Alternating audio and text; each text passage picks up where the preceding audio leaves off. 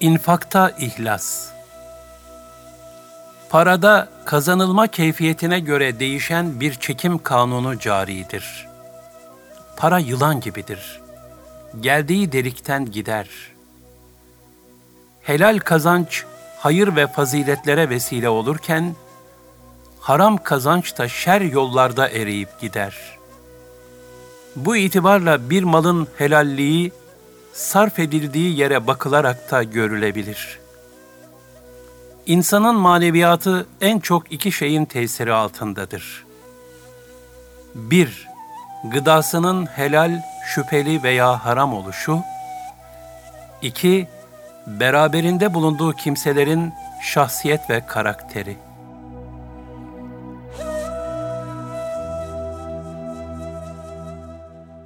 İnfakta ihlas İhlas, kullukta samimiyet ve niyet temizliğidir. Takva ile ihlas, birbirinden ayrılmayan kulluk sırlarıdır ki, adeta aynı mananın farklı şekillerde ifadesi gibidir.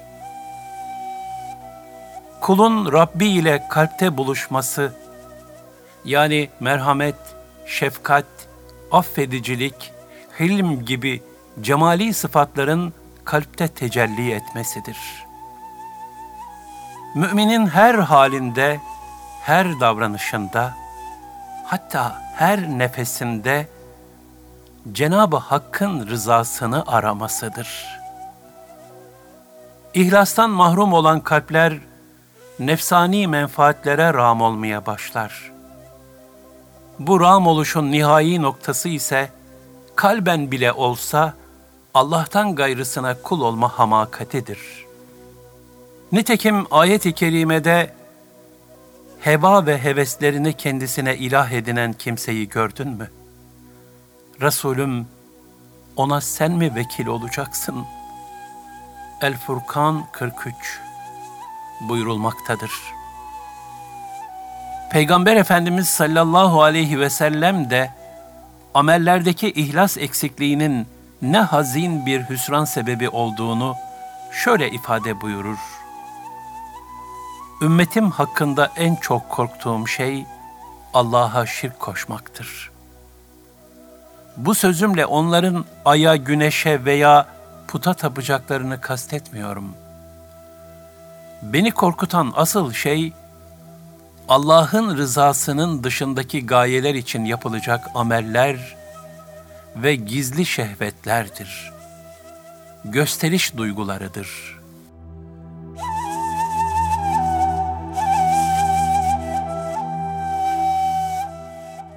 Dolayısıyla rızayı ilahi dışındaki gayelerle ve riya, gösteriş gibi kalbi marazlarla ifa edilen ibadetler, içi boşaltılmış, kupkuru bir geometriden ibaret, faydası zayi edilmiş amellerdir. Zira hadis-i şerifte buyurulduğu üzere ameller niyetlere göredir. İnfak ibadetinde ihlas da sadakayı boşa çıkarmama hassasiyeti içerisinde hasbeten lillah yani sırf hakkın rızasını kastederek verdiğini doğrudan doğruya Allah'ın kudret eline takdim edebilme şuuruyla verebilmektir. Efendimiz sallallahu aleyhi ve sellem buyurur, Helal maldan verilen her bir sadakayı Rahman olan Allah kudret eliyle alır ve kabul eder. Hiç şüphesiz ki sadaka, muhtaç onu almadan önce Allah'ın kudret eline geçer. Yani infakta asıl muhatap, Allah Teala Celle Celaluhu'dur. Bu yüzden infakta derin bir gönül vecdi içinde bulunmak icap eder. Fanilerden iltifat ve tebrik beklemeden, riya, şöhret ve gösterişten uzak durarak, nefsi araya sokmadan, dünyevi bir maksat taşımadan, Ya Rabbi, sadece ve sadece senin için diyerek infak edebilmek icap eder.'' İnfakta ihlasın esası budur.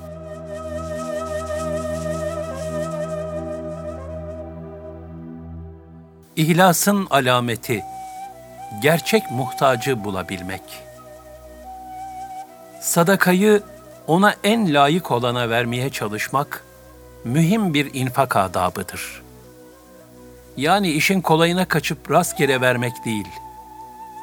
Onlar ki zekat vermek için faaliyet gösterirler.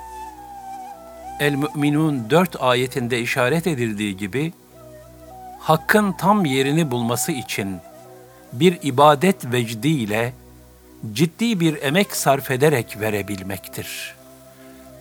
Kendimize kıymetli bir şey satın alırken nasıl itina gösterip araştırıyorsak, aynı itina ve hassasiyetle zamanımızı ve emeğimizi de verip emaneti gerçek hak sahibine ulaştırmalıyız.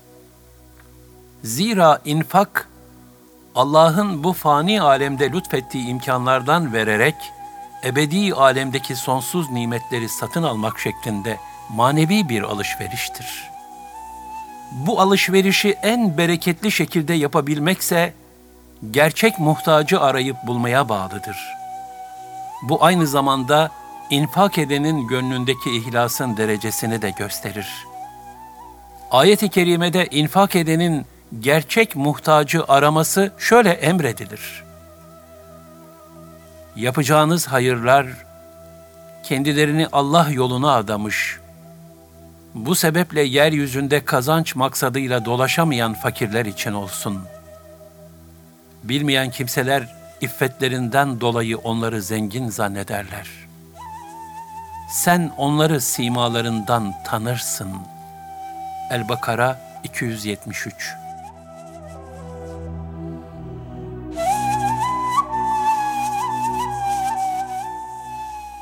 Yani infak halisane olduğunda gerçek muhtacı simasından tanıyabilecek bir kalbi rikkat ve hassasiyet gelişir.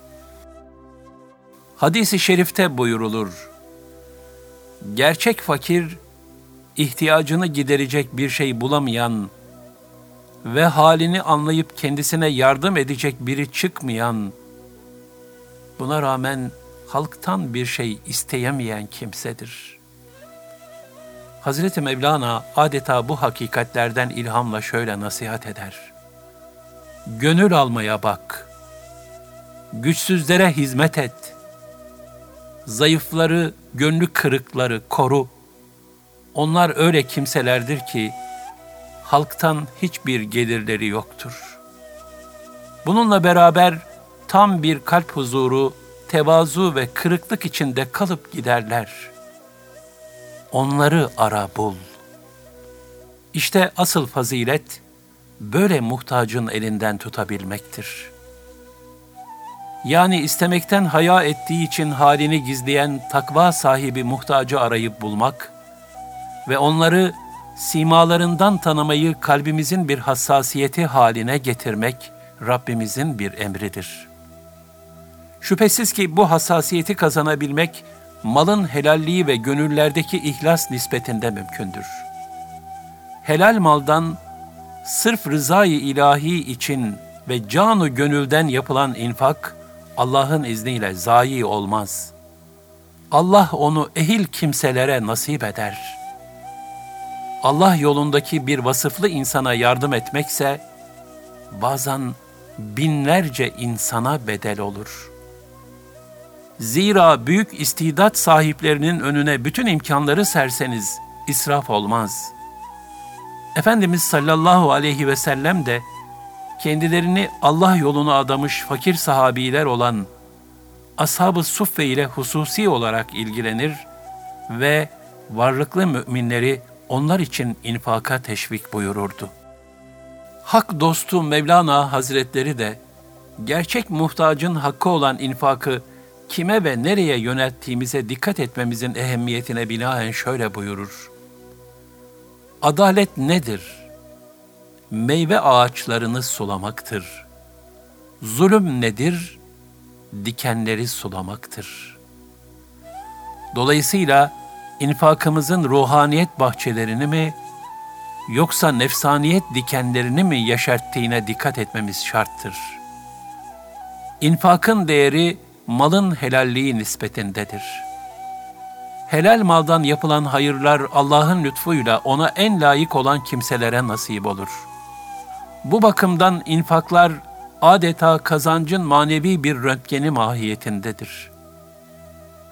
Nitekim hak dostlarından Ebu Abbas Nihavendi'ye ticaretle meşgul olan zengin talebelerinden biri gelerek, zekatını kime vermesinin daha uygun olacağını sorar. O da, gönlün kimde karar kılıyorsa ona ver buyurur. Üstadının yanından ayrılan talebe, yolu üzerinde dilenmekte olan bir ama görür. Gönlü ona ısınır.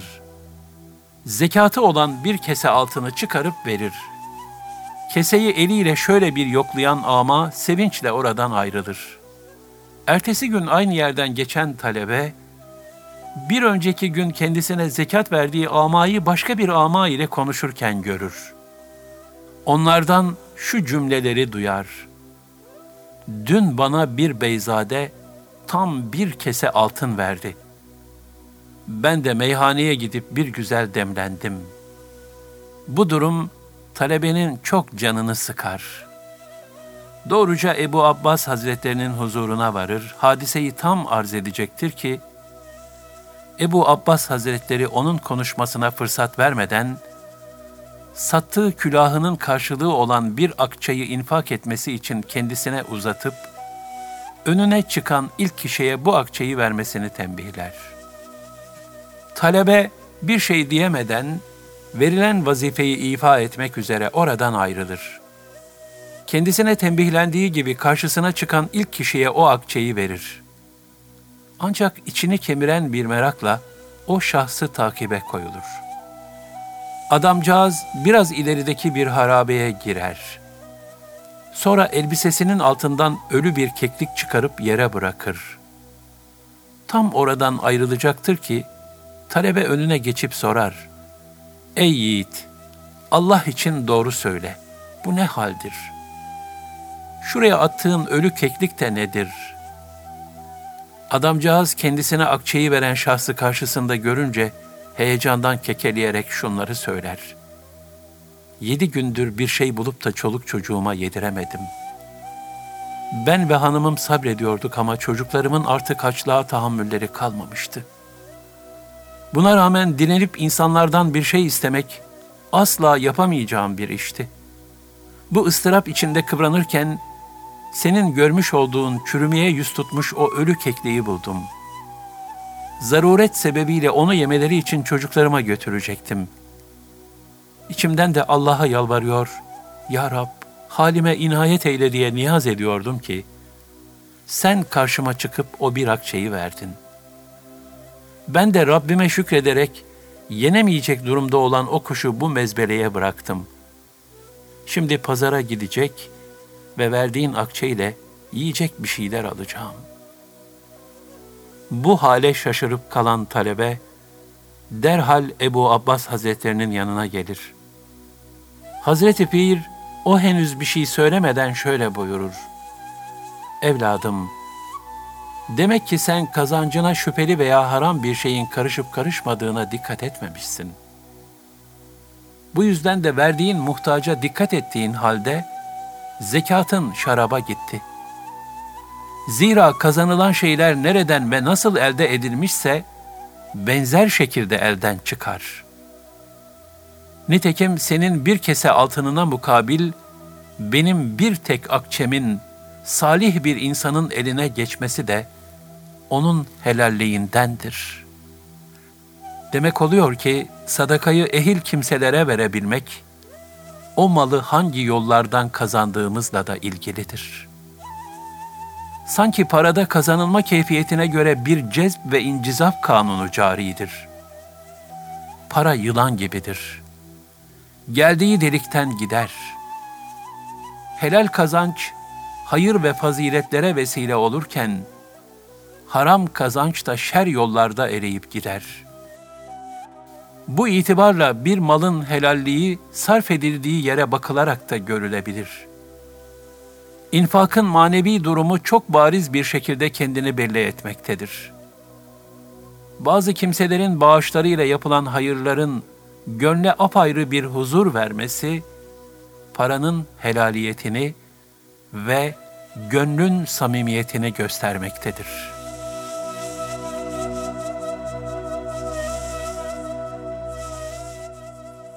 Diğer taraftan dinimizde her fırsatta sadaka vermek teşvik edilmektedir.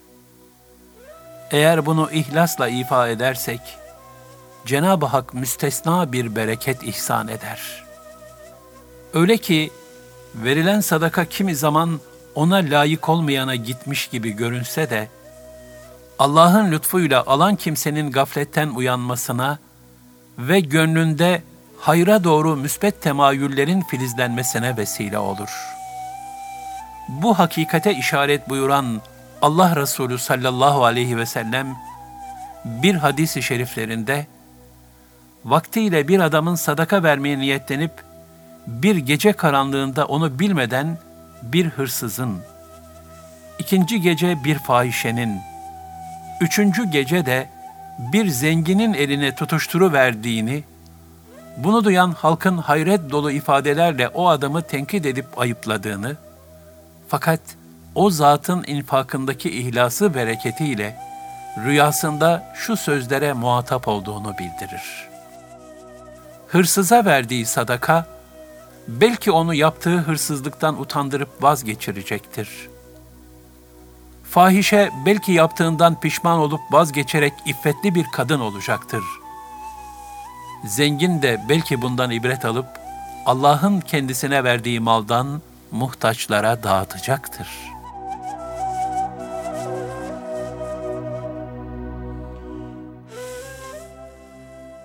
Bu hikmet ve hakikatin bir benzerini de peygamber varisi bir hak dostu olan Mahmud Sami Ramazanoğlu Hazretlerinin şu hatırasında görmekteyiz.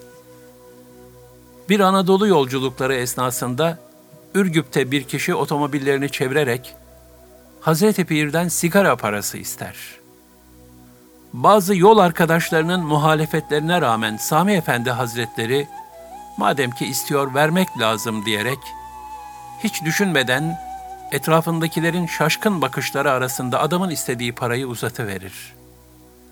Sevinçle parayı alan fakir bir anda niyetini değiştirip, şimdi gidip bununla ekmek alacağım diyerek oradan ayrılır. İşte Allah için ihlasla verilen bir sadakanın muhatabında meydana getirdiği müsbet tesir. Bunun içindir ki Şeyh Sadi şu ikazda bulunur lütuf ve ihsanı bir kese içine koyup ağzını bağlama. İhsanını kimseden esirgeme. Bu riyacıdır, öteki hilecidir deme. Varsın öyle olsunlar. Bundan sana ne?''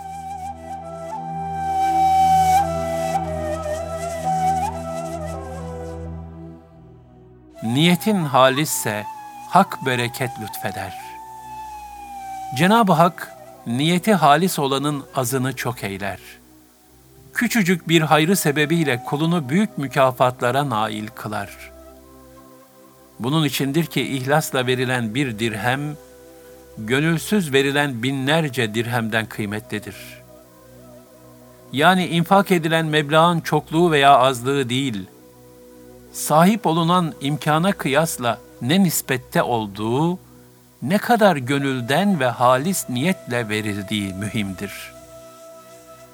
Zira hadis-i şerifte buyurulduğu üzere, müminin niyeti, maksat ve ihlası amelinden hayırlıdır. Bu bakımdan niyet halis olursa küçük bir iyilik bile büyür. İhlasla yapılan infaklar günahlara kefaret olur.''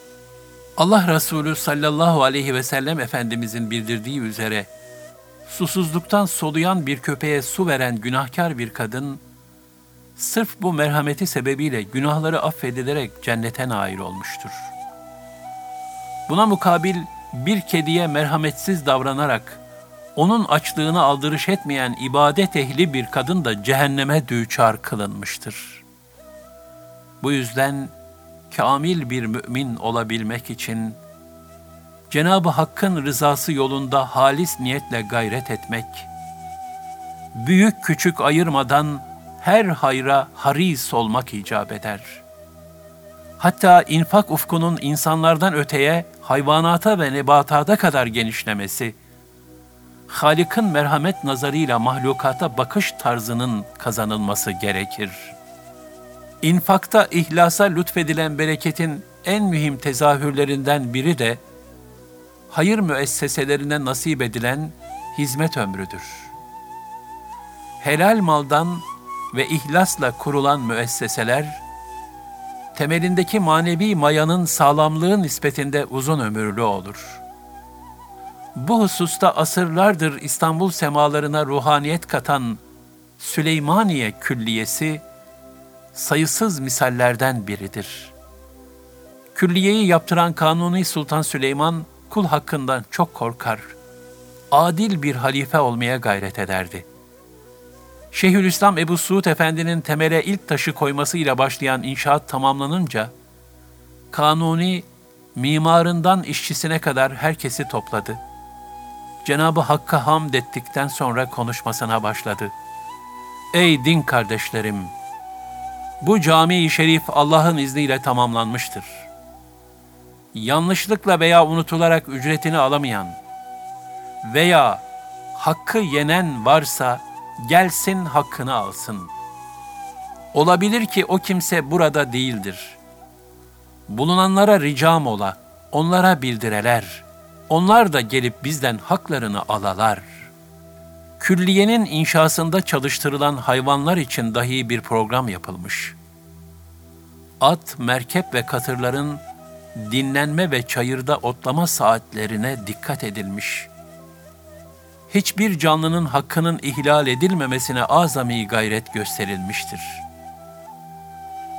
Bu mabedin inşasında kul ve hayvanat haklarına böylesine titizlik gösterilmesi, belki de Süleymaniye Camii'nin esrarlı ve kabına varılmaz ruhaniyetinin temel hikmetlerinden birini teşkil etmiştir.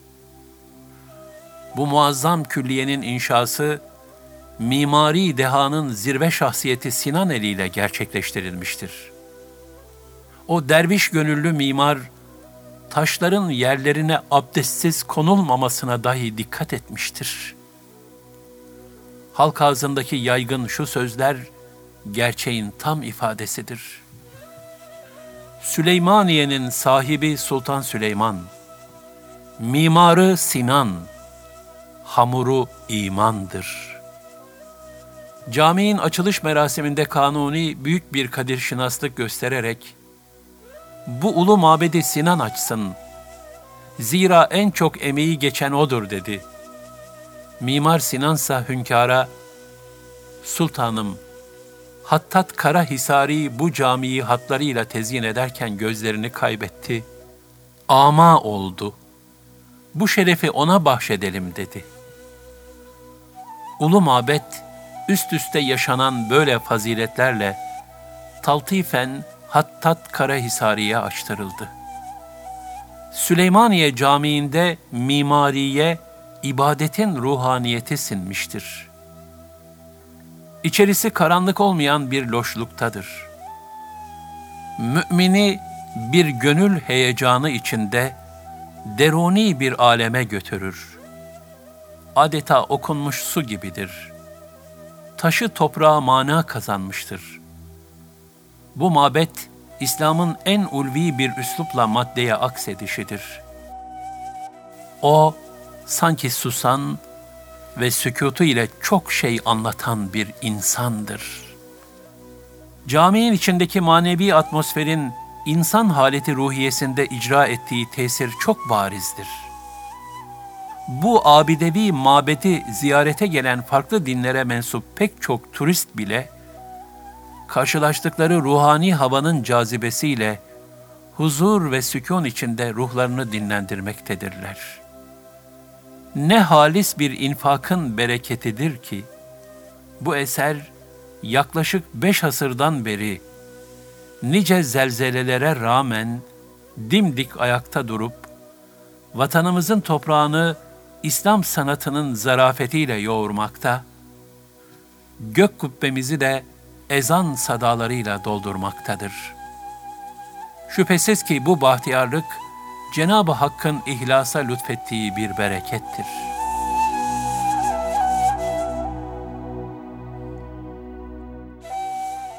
Sağ elinin verdiğini sol elin bilmesin.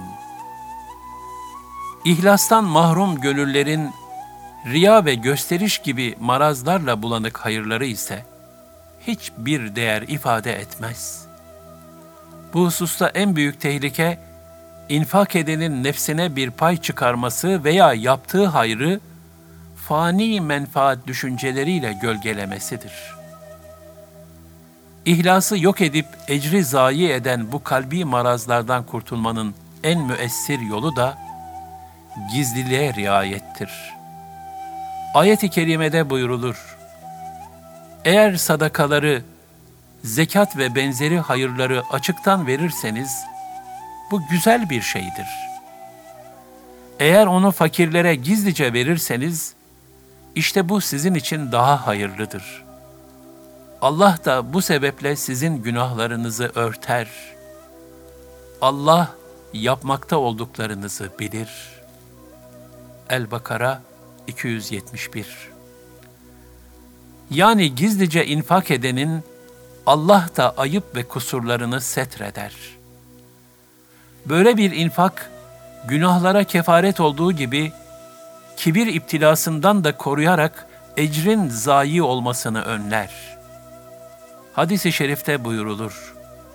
Kulun gizli işlediği amele Allah Teala gizlilik mükafatı yazar. Eğer bu ameli açıklarsa mükafatını da aleni ameller bölümüne yazar.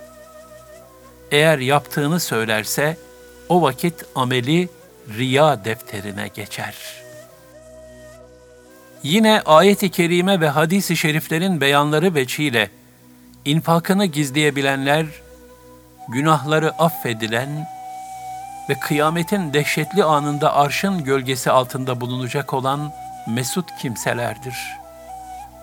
Fakat bazen infakın açıkça yapılıp insanlara duyurulmasında da fayda mülahaza edilebilir. Böylece halk infaka teşvik edilmiş olur. Nitekim müfessirler, sadakaları açıktan verirseniz bu güzel bir şeydir.'' Eğer onu fakirlere gizlice verirseniz, işte bu sizin için daha hayırlıdır ayetini, zekatın teşvik maksadıyla açıktan, sadaka ve diğer hayır hasenatınsa gizlice yapılması gerektiği şeklinde tefsir etmişlerdir. Velhasıl hayırların gizli mi, aleni mi yapılması gerektiği duruma ve şartlara göre değişir.'' kalpteki niyet berraklığı muhafaza edildiği takdirde açıkça infak etmekte de bir beis yoktur. Hatta lüzumu halinde insanları hayra teşvik için bu yol tercih edilebilir. Her iki türlü infakın da fazilet ve esası, kalbin riya ve gösterişten korunması, takva ve ihlasın muhafaza edilmesidir. Sadakanın açıktan verilmesi, onu alan bazı kişilerde haya duygusunun zayıflamasına, haya duygusunun zayıflaması ise zamanla sadaka bekleyişinin alışkanlık haline dönüşmesine, bu da çalışma gayret ve azminin kaybolmasına sebebiyet verebilir. Ayrıca aleni yapılan infakta veren kimsenin daha çok gurur ve kibre sürüklenip kendini beğenme ihtimali olduğu gibi alan kimsenin rencide olma ihtimali de daha fazladır. Bu gibi durumlarda gizli infak etmek daha münasiptir. Nitekim Hazreti Ömer radıyallahu an geceleri sırtında un çuvalıyla fakir mahalleleri dolaşır, kimselere görünmeden hatta çoğu zaman kim olduğunu da gizleyerek muhtaçları sevindirirdi. Hazreti Ali radıyallahu anh'ın torunu İmam Zeynel Abidin Hazretleri de her gece Medine fukarasının kapılarına sırtında taşıdığı erzak çuvallarını bırakır, kimseye görünmeden geri dönerdi. Bir sabah o fakirler kapılarına erzak konulmamış olduğunu gördüler. Sebebini merak ederlerken Zeynel Abidin Hazretlerinin vefat ettiği haberi bütün Medine'ye yayıldı. Herkes derin bir mateme büründü. Zeynel Abidin Hazretlerinin naaşı yıkanırken sırtında içi su toplamış büyükçe yaralar olduğu görüldü. Yakınlarına bunun sebebi sorulduğunda o mübarek zatın sırrı da ortaya çıktı. Zira sırtındaki o yaralar fukaraya taşıdığı erzak çuvalları sebebiyle meydana gelmişti. İşte merhamet dolu mümin gönüllerdeki ihlas tecellisi ve hayrın ecrini beşeri iltifatlarla zedelememek için gösterilen büyük hassasiyet. Ecdadımız da bu hassasiyetlerin en güzel numunelerini sergilemişlerdir. Nitekim Fatih Sultan Mehmet Han'ın vakfiyelerinden birindeki şu ifadeler bu hususta çok cali bir dikkattir.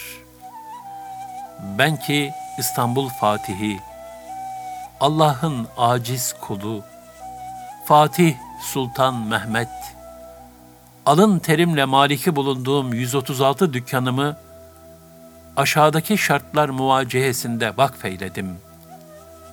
Külliyemde bina ve inşa eylediğim aşhanede şehitlerin hanımları, yetimleri ve İstanbul fukarası için yemek yapılsın. Ancak yemek yemeye veya almaya gelemeyen mazeretlilerin yemekleri hava karardıktan sonra kapalı kaplar içinde gözlerden ırak şekilde evlerine götürülsün. Vakfiyede görüldüğü gibi Fatih Sultan Mehmet Han toplumun korunmaya muhtaç fertleri için en hassas edep ve nezaket ölçüleriyle kaideler koymuştur. Yine ecdadımız zekatlarını bir zarf içinde camilerdeki zekat taşlarına bırakırlar. Alan vereni, veren alanı görmeden bir infak şaheseri sergilenirdi. Böylece ne alanın gönlü incinir, ne de verende bir benlik ve kibir temayülü doğabilirdi. Cenab-ı Hak cümlemizi ihlasını koruduğu, amellerini halis niyetle ifa edebilen salih kullarından eylesin. Sahabe, evliya ve salih ecdadımızın güzel hallerinden kalplerimize hisseler lütfeylesin. Amin.